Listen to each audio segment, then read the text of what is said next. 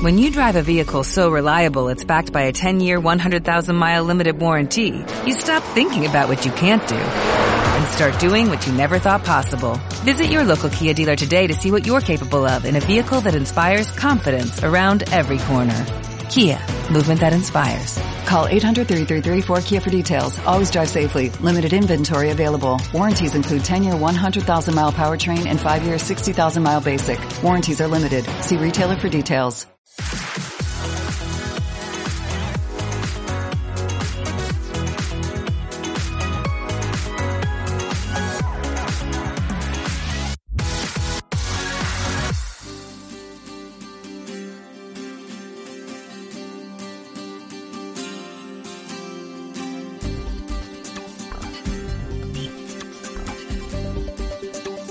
Al dia, la tertúlia. Molt bona tarda, benvinguts en aquesta tertúlia a través de les emissores eh, municipals de Tortosa, d'Amposta, de Deltebre, de la Mella de Mar, també de Santa Bàrbara, de Mas d'Enverge, i a través eh, de les imatges del canal Terres de l'Ebre Televisió, com cada tarda, moment de posar l'actualitat a debat amb els nostres convidats, en un moment en què, com saben, estem en aquesta cursa electoral on es diuen moltíssimes coses i molts volen utilitzar el seu vot per dir altres coses. En parlarem d'aquests temes i molts d'altres en aquesta tertúlia del Cafè de la Tarda. Com sempre, donar gràcies a l'equip de professionals, tècnics i també periodistes que fan possible aquest temps d'actualitat. Saludem ja els nostres convidats. En primer lloc els hi presento Dani Andreu, ell és exalcalde de l'Aldea, expresident del Consell Comarcal del Baix Ebre, ex, ex, ex, això què vol dir? Pues que s'ha retirat al seu descans polític. Dani, què tal? Com Molt estàs? Bé. Sobretot moltes gràcies per convidar-me, per comptar amb mi i perquè parlar de l'actualitat de les Terres de l'Ebre pues, sempre és un plaer. Sense dubte que és un plaer més amb persones com Dani Andreu i també amb persones com Josep Maria Franquet, ja saben, enginyer, director de la Universitat d'Educació a Distància de Tortosa, Professor, què tal? Bona tarda, benvingut. Què tal, Manel? Què passa per Deltebre? pues el Tebre passa el riu, al igual que Tortosa. passa el riu. Ja, ja ho heu acabat de segar? Ja ho heu acabat de segar? Com està? Pues crec que no, perquè jo vaig anar a la tertúlia m'he trobat alguna collitadora que m'ha fet fer una miqueta tard. Però bueno, ja se sap. Sí. Lo primer és lo primer, eh? Professor. Va bé, va bé, però no. I també ens acompanya Dolors Ro, ella és la presidenta de Òmnium Cultural. Dolors, també gràcies per trobar-te. Hola, bona tarda. Gràcies per estar amb nosaltres. Anem a començar parlant de política, perquè ahir es celebrava aquest debat eh, al Parlament de Catalunya, aquesta moció presentada per Ciutadans, moció de censura al president de la Generalitat. No sé si hi entrarem a fons, si cal entrar a fons, però jo vull parlar d'una altra perspectiva, és a dir, potser és eh, una perspectiva, potser és una opinió personal, potser és una visualització del tema molt subjectiva, però vaig veure polítics cansats, polítics amb manca d'idees, amb discursos recurrents, sempre parlant del mateix. Eh, estan cansats els polítics, senyor Franquet? Els ciutadans sí, però els penso- polítics... Jo crec que s'estan cansant tothom. Eh? Se cansen els polítics, es cansa la gent i es cansa tothom de la situació que tenim. No?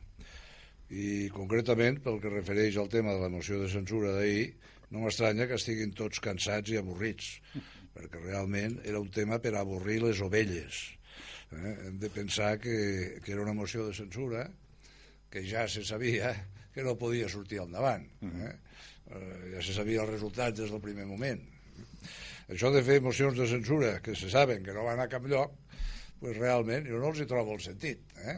Però hi ha gent que es veu que disfruten això, eh? hi ha gent que xala amb això, eh? li agrada fer follon i sortir per la tele i sortir pels periòdics.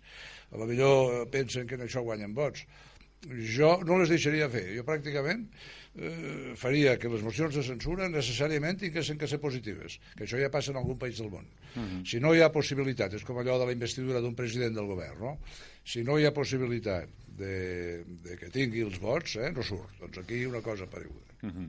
O surt la moció o no cal ni presentar-la. Per tant, cansament Exactament, per sí. totes bandes, senyor Franquet. I per a Dolors el cansament existeix? Bueno, jo crec que potser sí que estem cansats, però no podem estar-ne. És a dir, que és una miqueta una contradicció de les que es, es donen en aquests moments. Sobre la moció de censura, és que jo crec que ahir es va denotar una miqueta el fet de la manca de respecte per part d'alguns dels diputats respecte a una institució bàsica de les nostre, del nostre país.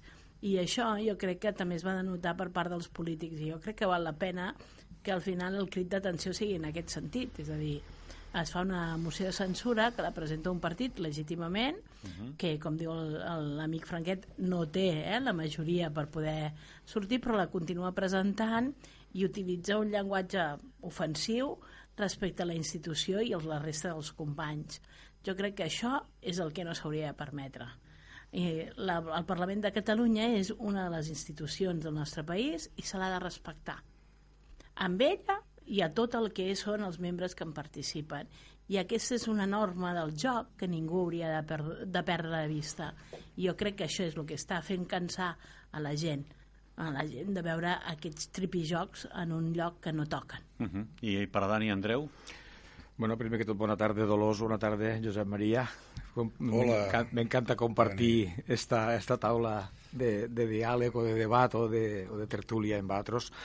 I, evidentment, eh, a mitges en tot, en tot el que heu dit, no? Jo crec que d'avui en dia ens fa, ens fa falta una regeneració absoluta del que és la, la ètica política, que en un moment donat els, els, diguéssim, els mitjans i els mecanismes que posa la democràcia al servei del, del Parlament, dels governs, eh, de les actuacions en general polítiques, eh, s'està tergiversant i s'està utilitzant, com ahir vam veure, per exemple, d'una manera mediàtica. Comparteixo totalment el que diu eh, Franquet en el sentit de que si una, una moció de censura no té garanties d'èxit, per què s'ha de presentar, si no és que llavors bueno, se veu... Aquest, aquest cas ja ho parlàvem, que és per estratègia política, sí, sí, sí. per posar els socialistes aquí al mig de, sí, de la baralla, no? pura estratègia política, però mm -hmm. l'objectiu de la moció de censura, que és reprovar a un govern que en un moment donat hi ha motius per part de certes formacions polítiques com per a demanar un canvi o una substitució, no és l'objectiu, sinó que és guanyar quota de pantalla, fer una, una mm. mena de míting polític al, al Parlament de Catalunya, en la qual també, mm, déu nhi com, com desprestigies la pròpia administració, i en definitiva pues, són qüestions d'aquelles que eh, no sé si se'n donen compte els polítics que fa anys que estem, mm, com aquell que diu, mm, cavant, cavant la, la, la pròpia fossa del que és la credibilitat política en, en general de tots, però cada vegada estem fent més malament les coses i la gent que, com diu la, diu aquí la, la seva dita, la gent no és tonta i se n'està donant compte, s'està de, de, desapegant d'aquest tema i això és molt perillós, perquè desapegar-se dels criteris polítics, per tant, de la democràcia, és molt perillós. Com ara dia també la Dolors, és molt important que seguim mantenint la flama encesa de treballar eh, políticament per la nostra societat, pels ideals que tinguem, uh -huh. però de manera absolutament, eh, diguéssim, sincera i honrada. Senyor Franquet, en queden aquells polítics eh, de guant blanc que les dien, les dien d'una altra manera, les feien, però les feien d'una altra manera. On queda allò? Bueno, els polítics de guant blanc. Jo em penso que la classe política ha baixat una mica de nivell. Eh? Aquesta és la sensació que tinc. Eh? Potser és una mica per egoisme, eh? de dir, escolta, jo he estat polític en altres moments de la meva vida, el Dani també, pel que veig aquí, la Dolors no sé si Sí. No. no, jo no, jo, jo... no és política, però és activa socialment, és molt activa. Sí, molt activa. efectivament, efectivament. Això sí que ho sé i conec de prop. Bé, mm, jo he viscut èpoques en polítiques millors, eh? en polítics millors. No parlo ara de polítics locals, estem parlant de polítics a nivell nacional i a nivell estatal. Eh? He conegut èpoques en polítics de més talla que els que tenim ara, eh? a un bàndol i a l'altre. I potser per aquesta raó la situació està com està. Eh? És molt important les persones i la categoria de les persones. I jo crec que en aquests moments ni Catalunya ni Espanya està vivint el millor moment personal dels seus polítics. No hi ha bona collita, eh? No, no hi ha bona collita, professor. No, de polítics no hi ha bona... Home, tampoc és que sigui dolenta a tope, eh? ni molt menys, però hi han hagut èpoques millors. Eh? I segurament en altres polítics i en altres èpoques millors a lo millor no haguéssim arribat on estem en aquests moments. Mm -hmm. Dani. Mm, en favor d'això i, i de tal manera en què també a tots mos hem de ficar lo San Benito pertinent, jo crec que, en, en tot el respecte, eh, que no se'n fa dir ningú, però la societat també està permetent esta baixada de nivell. És a dir, abans recordo que el que es castigava eh, molt en política, recordo des de les meves èpoques més joves, era que un polític fos un embustero. D'avui en dia està permès absolutament que la meroteca mos pugui denunciar, mos pugui contradir i mos pugui fer quedar la cara de roja, però és que en un tema estem tan a favor del mateix vot, del mateix, de, del mateix presidenciable, del mateix representant, com si no hagués passat res. Jo crec que mos fa falta demanar que els polítics siguin d'alguna manera més honrats. I per a ser més honrats és que han de dir les coses i després complir-les. I si no les poden complir, han de demanar perdó de per què no ho han complit. I això és una cosa que d'avui en dia s'està instaurant com una cosa absolutament normal. Uh -huh. Vull dir, un diu la gran mentira, en son demà, per estratègia política, canvia de criteri, canvia absolutament de, de donde dije digo, digo Diego, i automàticament eh, no se li castiga ni, ni, ni, ni se'l penalitza per a res del món. Estos dies ho estem veient, del que ha passat d'esta repetició d'eleccions, de tot el que ha vingut sí, sí, del sí, mare sí, sí, magnum, sí. de si, eh, de si eh, los recolzos, si desencallo, que si no desencallo, i ara uns diuen que no desencallaven i diuen que l'altre dia ho van, ho van encallar. En definitiva, no vull liar-me la troca, perquè al final m'hi li, liarà la llengua, però sí que d'avui en dia considero que no castiguem prou en aquells personatges que en un moment donat mos enganyen, però en tota la cara dura del món. Per tant, deu ser aquest eh, també passotisme de la ciutadania que no s'hi posa massa en tot això perquè passa una mica de la política sobre la gran majoria, eh? no tots. Eh? No, no, Tot- però aquí, aquí li fico la responsabilitat. Sí, a la societat de l'os. Bueno, jo aquí em toca el paper de, ciutadà, de ciutadania o de societat, eh? em toca defensar que en aquests moments la ciutadania ah, passa de les estructures, jo crec, però sí que participa, eh? Jo crec que, i tenim la sort, eh? jo crec que aquest país té la sort de que té una societat activa i que, no, que tot i que es deixa enganyar perquè hi ha polítics que ens enganyen i això no ho podem, no ho podem evitar, la societat està activa i està alerta de tot el que passa. Jo crec que en això és una de les millores de, de, de tot aquest procés. No? Eh, quan es parla del processisme, jo crec que també és un dels punts a favor nostre, és que la societat ha estat activa. I el fet és que continua estant activa malgrat tot. I això és difícil amb tot el que estem veient. Clar, quan veus determinats comportaments i determinades estructures, i comparteixo el que diu Dani, eh? que no són clars i que no diuen la veritat i que enganyen somerament a la gent, al final la gent, quan veuen que t'enganyes, t'enfades. I, clar, estem, estem en aquest moment, no? en aquest caldo de cultiu que, per una banda, hi ha una colla de gent que diuen mentides, que a més no són honestos entre ells, que avui diuen blanc, demà negre i demà blaus, depèn de la, del moment en què em toqui, que són capaços d'enganyar a les criatures, és a mi, i, i d'altra banda, la societat que vol i té clar el que vol. Uh -huh. I d'altra banda el cos legislatiu que els va dient no, no, vostès el que han de fer és retre comptes, explicar-ho tot, ser transparents i tota aquesta història i, i dius, a veure, on estem? I la societat el que estem és una miqueta marejats. Marejats, més eh, uns- cansats i, i marejats. I cadascú, eh, quan es parla de polítics, que cadascú eh, fique la reflexió Clar. al sac que cregui convenient. Senyor Franquet, alguna cosa que apuntar sobre el tema? Sobre aquest tema em penso que està tot dit. Eh? Pues, el que eh, estic content és que acabo de veure una notícia ara, tot Ah, sí? just, en aquest monitor que tenim al davant, que diu que han estat premiades dues empreses de l'oli, del Sí, món de sí, l'oli, sí, sí, dintre de les entre 500 millors del món. Eh? Exactament, sí empreses que és del una Baix gran Ebre. Mm. notícia. Efectivament, del Baix Ebre, dues empreses, no? De les 500 Però millors del món, dos són del Baix Ebre. Sí, exactament. Això és molt important, és el món de l'oli, eh? òbviament. I, I més en aquests moments en el tema dels arancels. Sí? Sí, sí. I Jo aquest tema l'he estudiat amb un company. Hem publicat un llibre que està en aquests moments a les llibreries sobre l'oli i sobre, sobre l'enorme importància que va tindre la indústria de l'oli i tota l'agricultura relacionada amb l'olivera, sobretot a començaments del segle XX. No?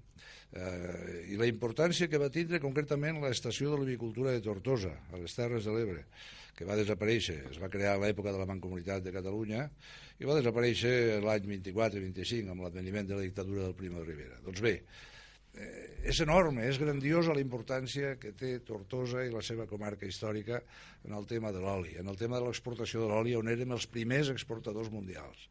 I ara és bo que al cap d'uns quants anys, no? al cap de gairebé 100 anys, doncs es reconegui tot això. Sense dubte és una molt bona notícia des del punt de vista de la producció, però eh, és cert que aquestes baralles entre Estats Units i la Xina, entre Trump i el seu homònim eh, xinès, pot acabar doncs, gravant, bueno, i, i per, també pel tema de l'aviació, eh, del Airbus, dels Boeing, tot això pot acabar passant factura. De fet, s'està dient que l'estat espanyol ja comença a prendre mesures per tal de corregir tot allò que pugui suposar aquesta posada en marxa dels arancels per part dels Estats Units, Dani. Un, un apunt, eh, ara que nombres això.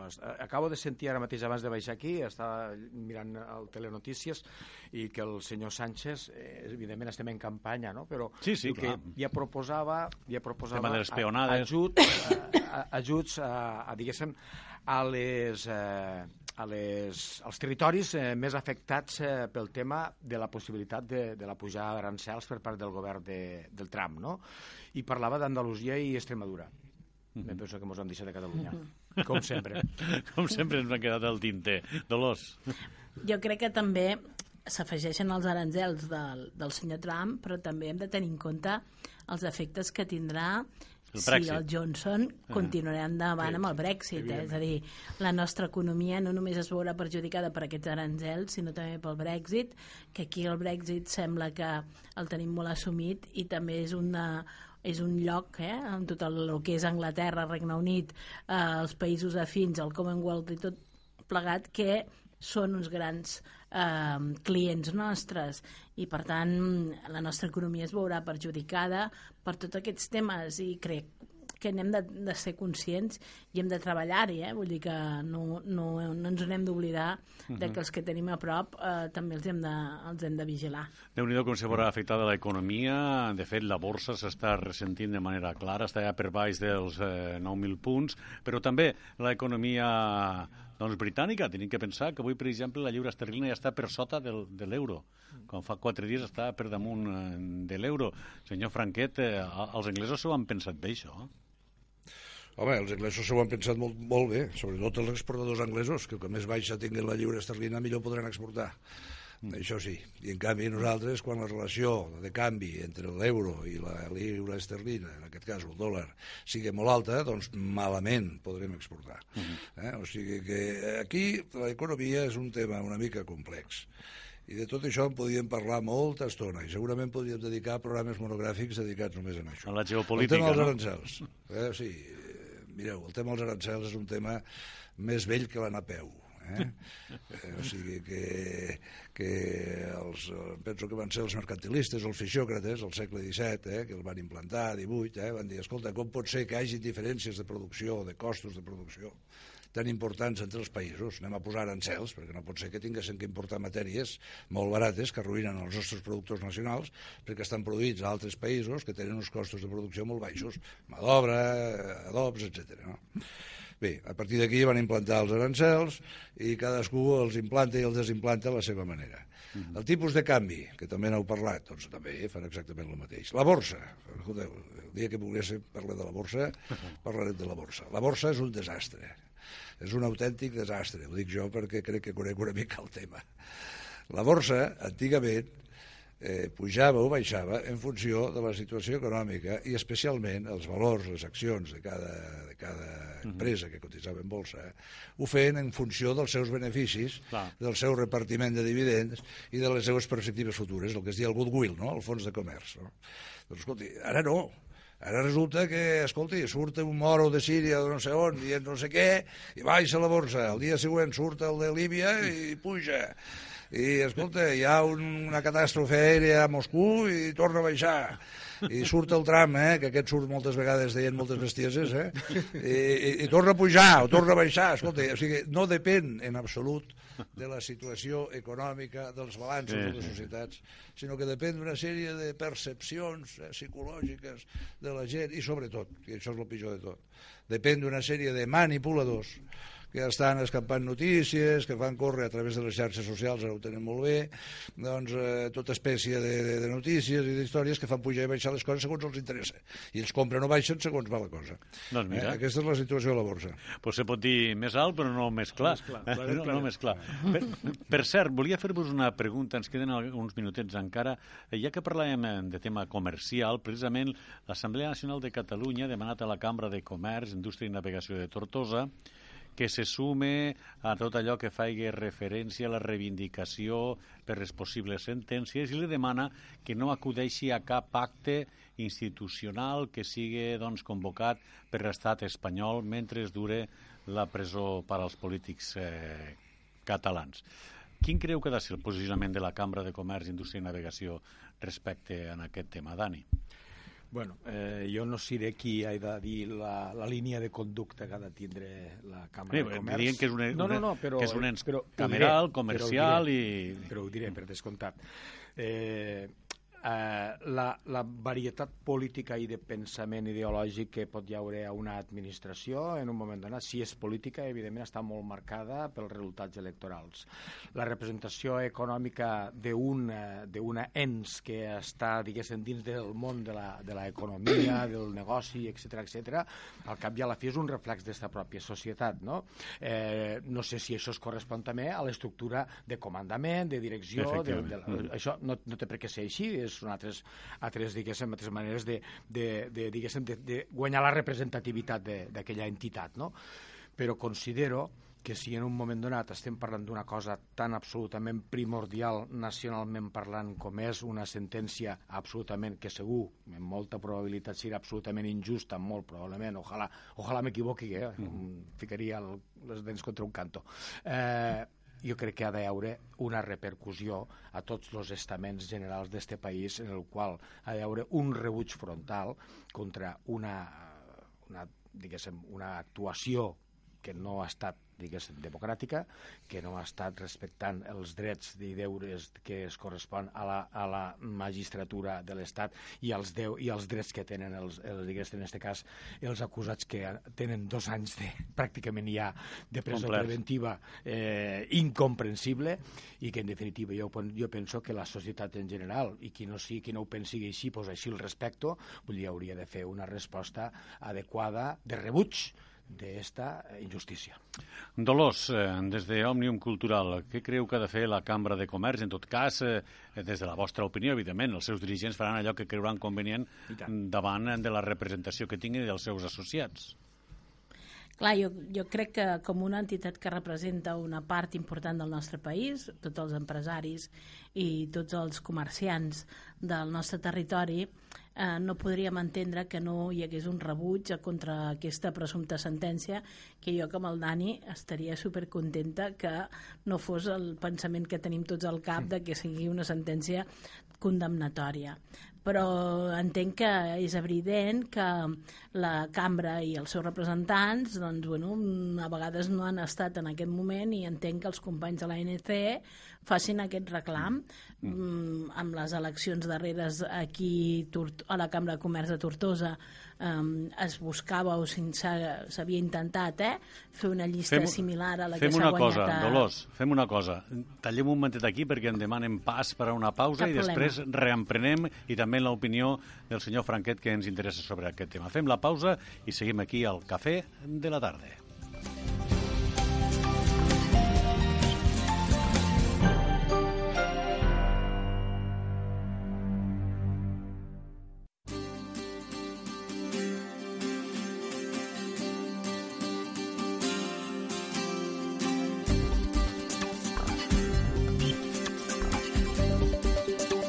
Al dia, la tertúlia.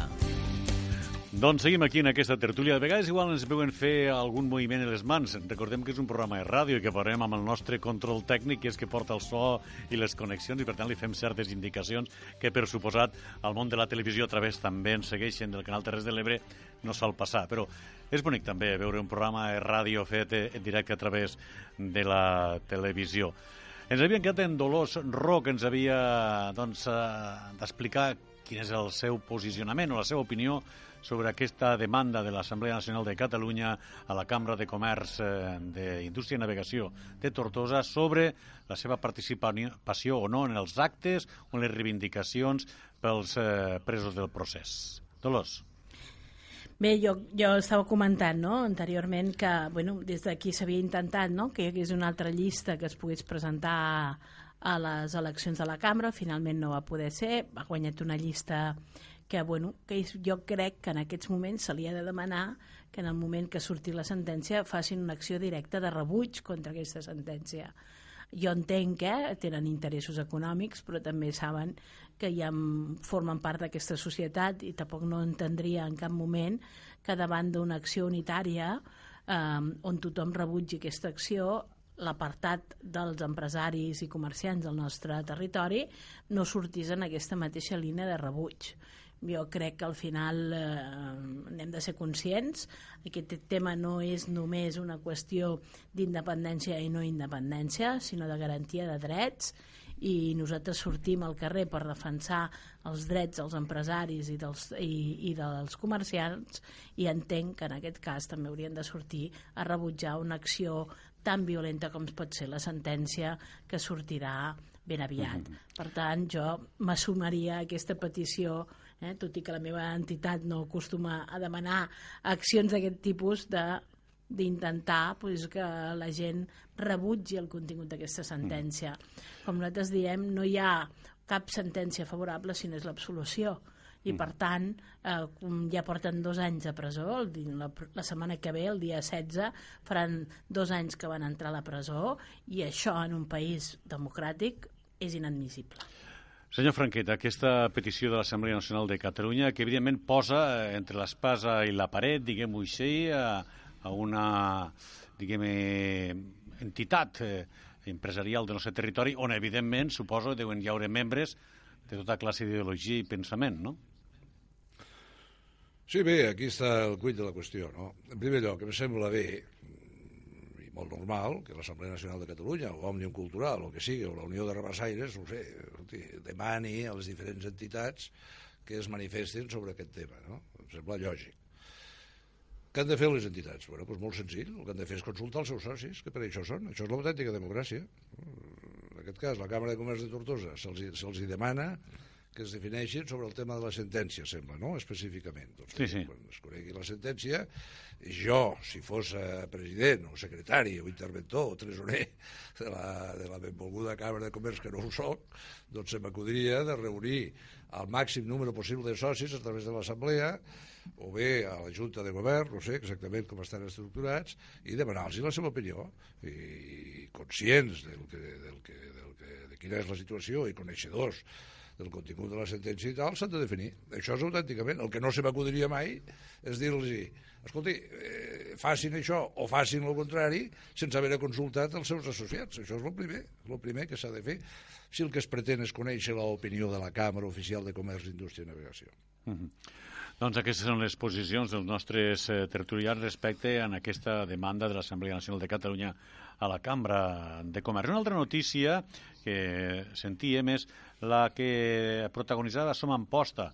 Aquest és un grup, és una formació política, de fet és el grup principal de l'oposició a l'Ajuntament d'Amposta, amb dos regidors, sabem que l'equip de govern en té 16, la resta de representacions polítiques en té un, per tant, és la força principal de l'oposició. Volien o volen eh, utilitzar aquestes eleccions del 10 de novembre per fer un vot nul amb una papereta que posa sí als bous, sí a la festa i altres frases més contundents com que els hi donguin al Parlament i als parlamentaris. És a dir, abans parlàvem del cansament eh, de la gent i possiblement això és el tan semenfotisme, no?, de la política o de fer-la servir per a altres reivindicacions. Dolors. Bé, és que jo no, bueno, desconeixia, eh? me n'acabes de dir a la notícia, però crec que és que és barrejar coses.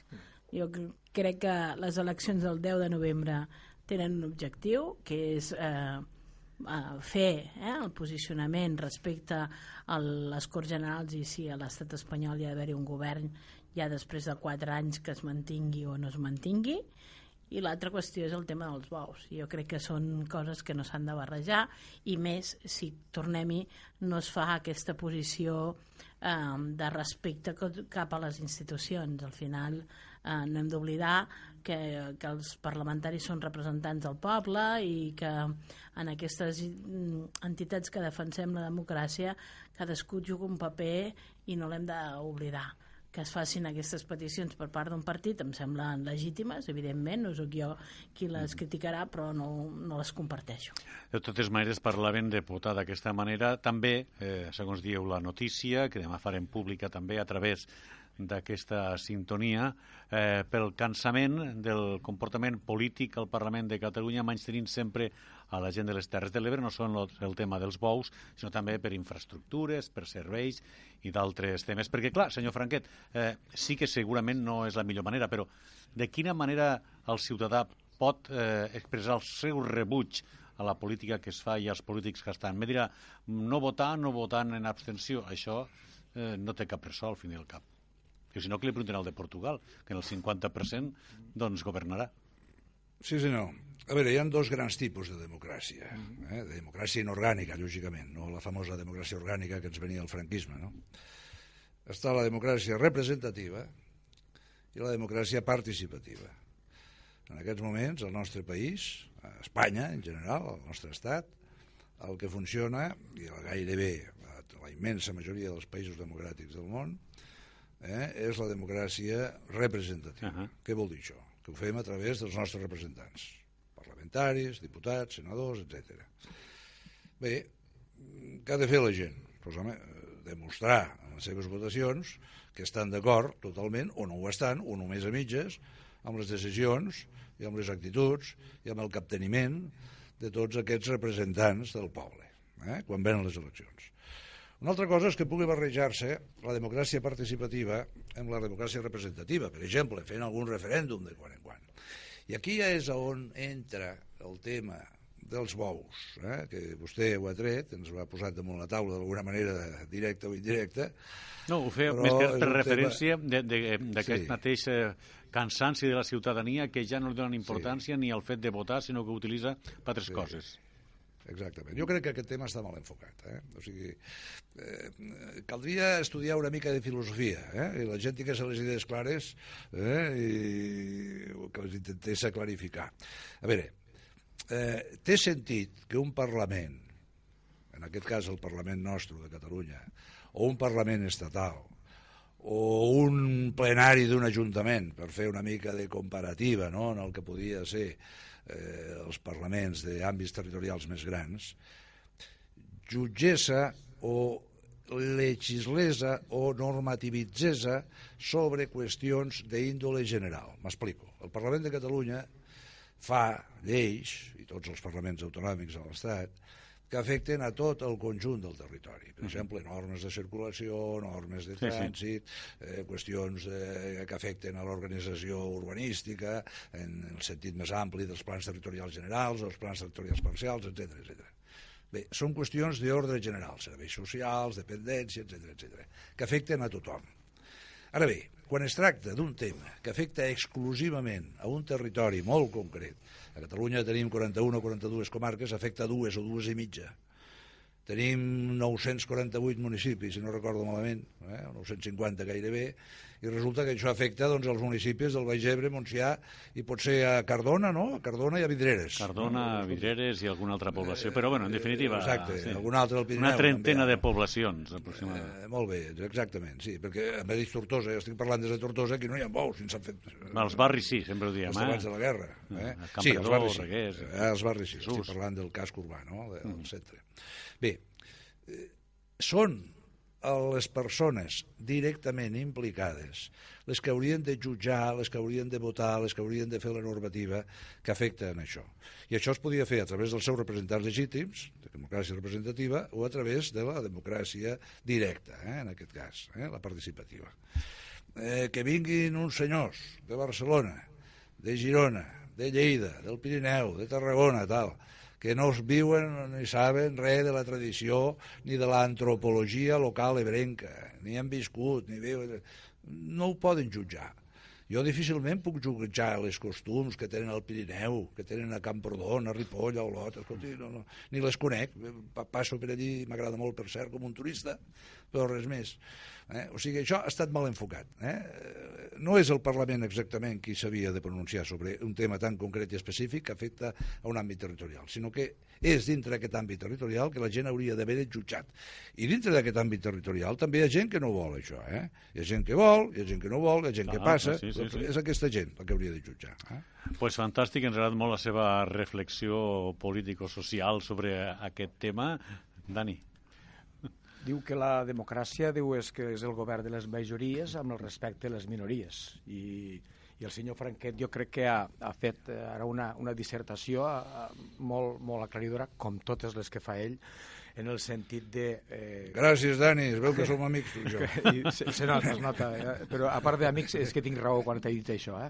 Eh, realment, primer, quan es va fer la, quan es va elaborar la cèlebre llei 34-2010, en la qual, per cert, vaig tindre el plaer, el gust i el privilegi d'anar a defensar-la com a ponent, juntament amb algun alcalde més del territori, crec que es va encetar un debat en el qual eh, però, pro i contra, diguéssim, gent a favor, gent en contra, la comunitat, eh, diguéssim, veterinària, en definitiva, se va, se va, com aquell que diu, encetar una taula de debat, un debat en el qual se va arribar a unes conclusions en les quals va, va néixer aquella cèlebre llei, la 34-2010, de l'1 d'octubre uh -huh. d'aquell any, no? Jo crec que enguany, enguany, en el fet que ha passat ara, s'ha saltat per damunt de tot el dret aquests 30 pobles que dies tu antes, Manel, hagin pogut tindre i dir la seua. Eh, s'ha passat per damunt de molts de drets, s'ha passat per damunt de, un molt, de, de molts de sentiments i s'ha passat per damunt de discutir adequadament el que podem fer i el que no podem fer perquè jo no, no, no, no ho faré massa llarg perquè si no me n'aniria massa de l'olla sí, no, no, però, sí, perquè, però eh, eh, el maltracte animal està medit per algun barem que, que coneguéssim tots. Jo bueno, crec ho, que... ho han dit sempre aquí, que són temes més anímics i de posicions personals eh, que temes tècnics. Eh, efe, efectivament. Mm. Eh, bueno, i, i, i, aquí, I aquí ho deixaria en el sentit de dir, escolteu, refem una mica la situació, deixeu-nos parlar, els que som, diguéssim, d'estes terres, els que tenen o tenim afició per nesta, per nesta, diguéssim, per, per nesta acció, per nestos eventos, uh -huh. i en definitiva encetem una meta, una mena de diàleg perquè sapiguéssim tots a quines posicions ens podem situar. Lo, per tant, hem començat lo, la pregunta, Manel. No crec adequat utilitzar unes eleccions generals per tal d'expressar el nostre rebuig a aquesta acció, que jo condemno absolutament i no comparteixo. I, i jo et faig la mateixa pregunta. Com se manifesta el rebuig a la classe política per tot el que estan fent en aquests moments si algun ciutadà vol expressar-lo. Bueno, escolta, és que precisament tenim un buit que no sé si és que ara descobriré la sopa d'all, però que això és una cosa que en, en, en converses d'aquelles de bar m'ha sortit un munt de vegades en companys i companyes discutir-ho això per què no té representació al Parlament o al Congrés de los Diputats l'abstenció o el vot en blanc? L'abstenció, cadires buides. Estar, però el vot cadires en blanc buides, sí. haurien d'haure cadires buides.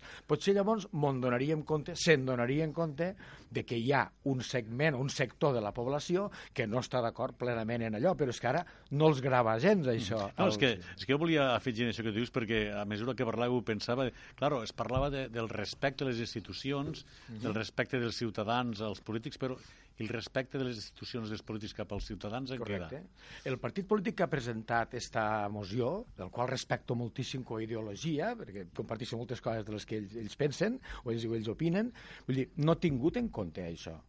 No, no, o sigui, han passat de, per davant les, el, el carro, han posat el carro davant dels bous, mm. mai més ben dit, Molt bé, sí, sí, sí, sí. Per, per, per no escoltar el territori, que hi hagi una, una, una valoració d'això, que hi hagi una discussió d'això, i a més a més, i a més a més, perquè venim d'un marc legal que ja està establert. És a dir, ja, no venim ja, del ja, no-res. Ja estava regulat. Ja tenim la 34 2010. Ja estava regulat i ja estava, per tant, ja estat acceptat. An anem a millorar l'assumpte si cal, per però contem en el territori, que som minoritaris, respectem les minories i respectem les opinions de tothom.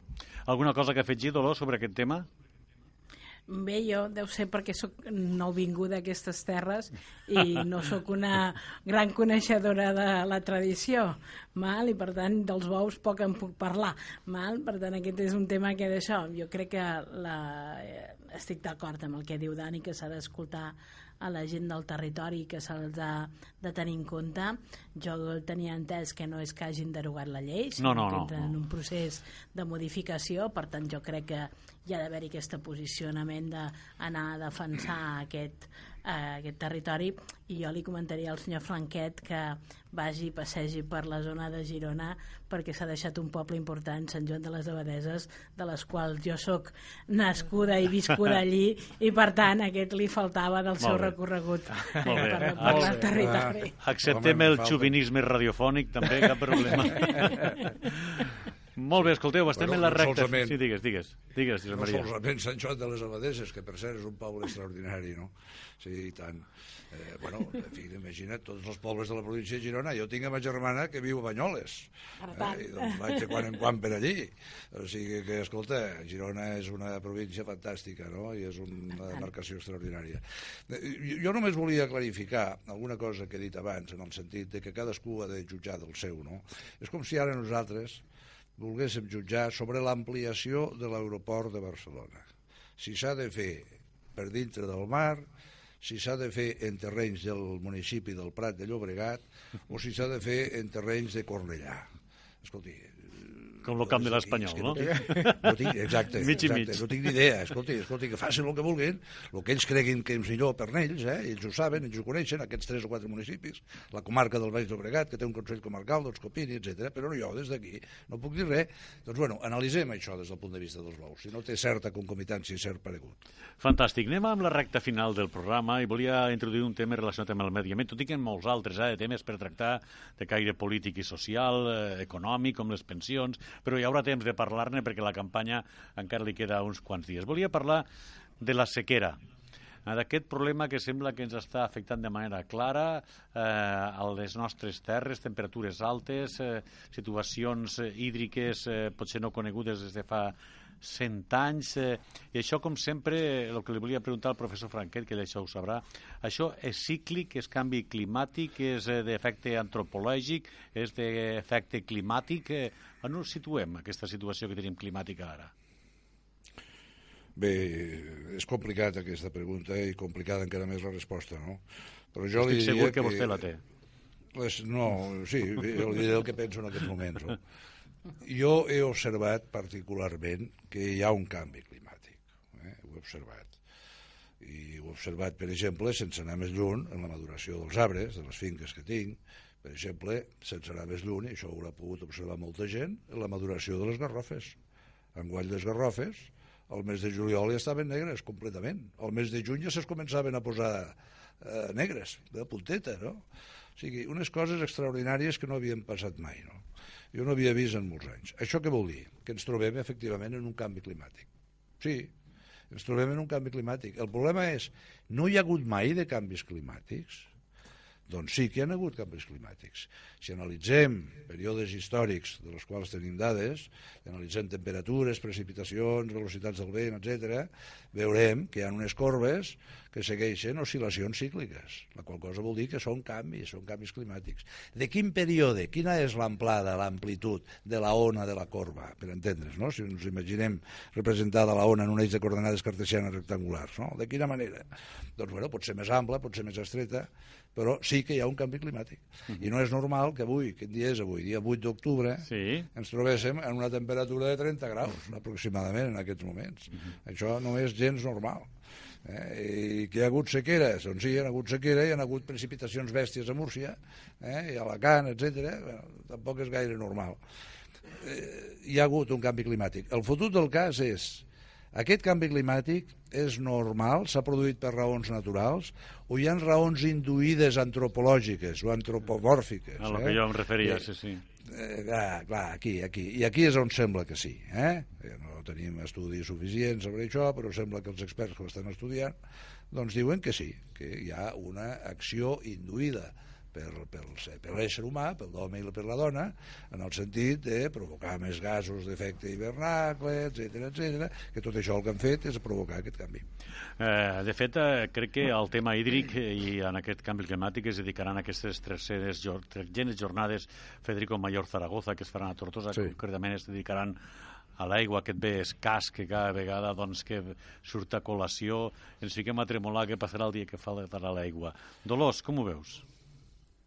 Bé, jo crec que una miqueta, com deia el Franquet, no? una miqueta de dir eh, l'efecte que tenim les persones sobre l'acció natural és clara, no? Jo crec que eh, tots hem de ser una miqueta conscients no? de que les nostres activitats i les nostres accions també perjudiquen aquest clima. Um, és veritat que hi ha coses que les haurien d'explicar científicament, però n'hi haurien d'altres que des del consum eh, més directe les podríem començar a pal·liar d'alguna manera.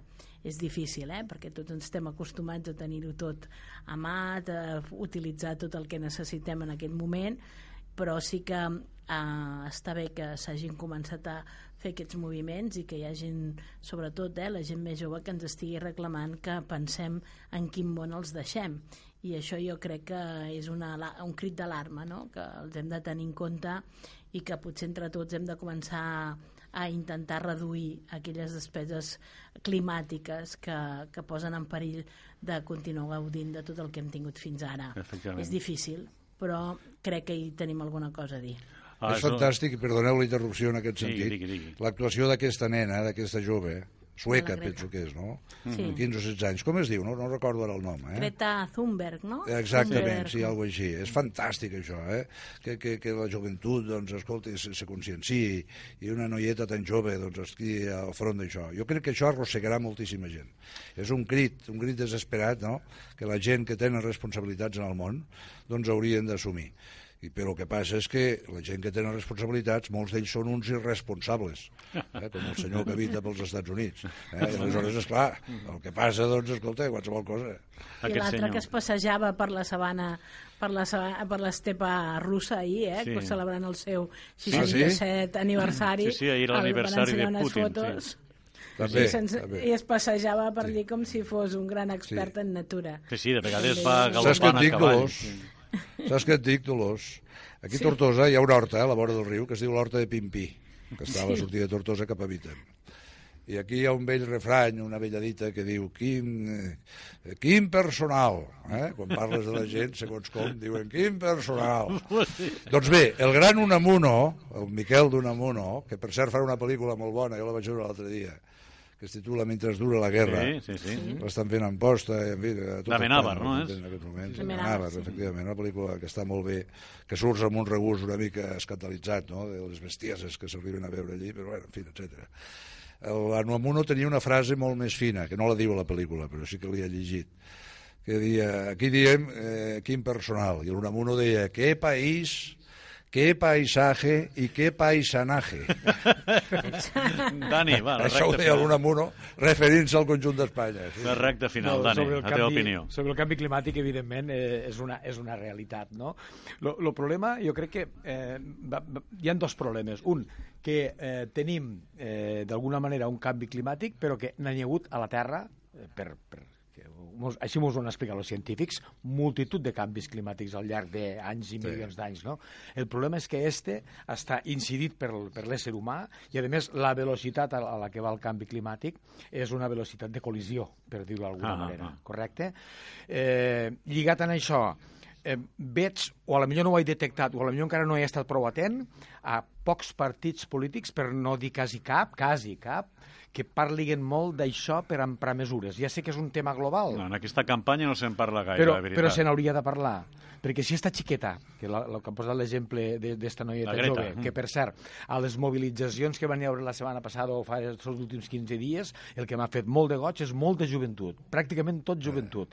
Per tant, aquí mos hi hem de sumar perquè estos són els que heredaran este, este planeta, com ha dit antes la Dolors, i són els que d'alguna manera ho estan patint. I nosaltres, els grans, los, però sobretot els que tenen eines per a fer-ho, no estan fent el que cal.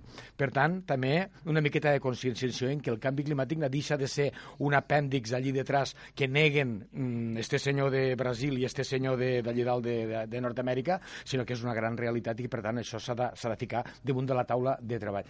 I una altra coseta, ja per acabar, sí, no, d'aquelles no coses que surten a, a, la, a la campanya. No sé si és veritat o no, però avui he vist una notícia que posava eh, del tema... Me'n vaig d'una cosa a l'altra, eh? Sí, però és que m'ha això- xo- m'ha això- xocat per això lo de és la una tor- política. una tertúlia, se comença M'ha parlant xocat de per lo naps de i la política de i per lo de la campanya. Sí, sí. Ah, de les pensiones no se ha de hacer tema, parlo en castellà perquè ho he Sí, llegit en això, castellà. això ho dic Casado, sí. Bueno, doncs mira, ja, ja, ho- ja ho has dit tu, no m'ho cal dir mi. no han de- Eh, no han no han de en ser campanya. objecte de campanya. Déu meu de la cinta ditxosa. Si les pensions, si l'educació, si la sanitat, si tot el que ens interessa de veritat no han de ser objecte de campanya, què anem a votar? home, El 3 en ratlla? No, clar, eh? No El tres interessa, eh? Bueno, Parlem crec que... de futbol, Sí, sí, parlem sí. de bous, parlem de les coses. Sí, sí. Doncs crec que es referia no solament a, a aquest tema, sinó a altres molts temes que dia que no s'han d'utilitzar com a arma, diguem-hi... Electoral. Electoral. Però, en fi, eh, és bo que se'n parli d'aquests temes i en parlem també aquí en aquesta tertúlia. Avui en volíem parlar, però tenim aquests 55 minuts per parlar de temes d'actualitat i els aprofitem als màxim amb els nostres convidats, al que us donem infinites gràcies per haver-nos acompanyat i tindre aquesta tertúlia tan positiva i tan enriquidora. Dolorro, moltíssimes gràcies. Moltes gràcies a vosaltres, ha estat un plaer. Fins la propera. Senyor Josep Maria Franquet, com sempre, un plaer. Gràcies per les seves eh, aportacions. Un plaer, Manel, i una abraçada tant Dani com Dolors. I a Dani també moltíssimes gràcies per haver-nos acompanyat i que esperem comptar amb tots vosaltres en properes edicions del Cafè de la Tarda. Gràcies, gràcies. i a tots vostès gràcies per acompanyar-nos. Serà fins demà. Feliç jornada. Reveure-us-siau.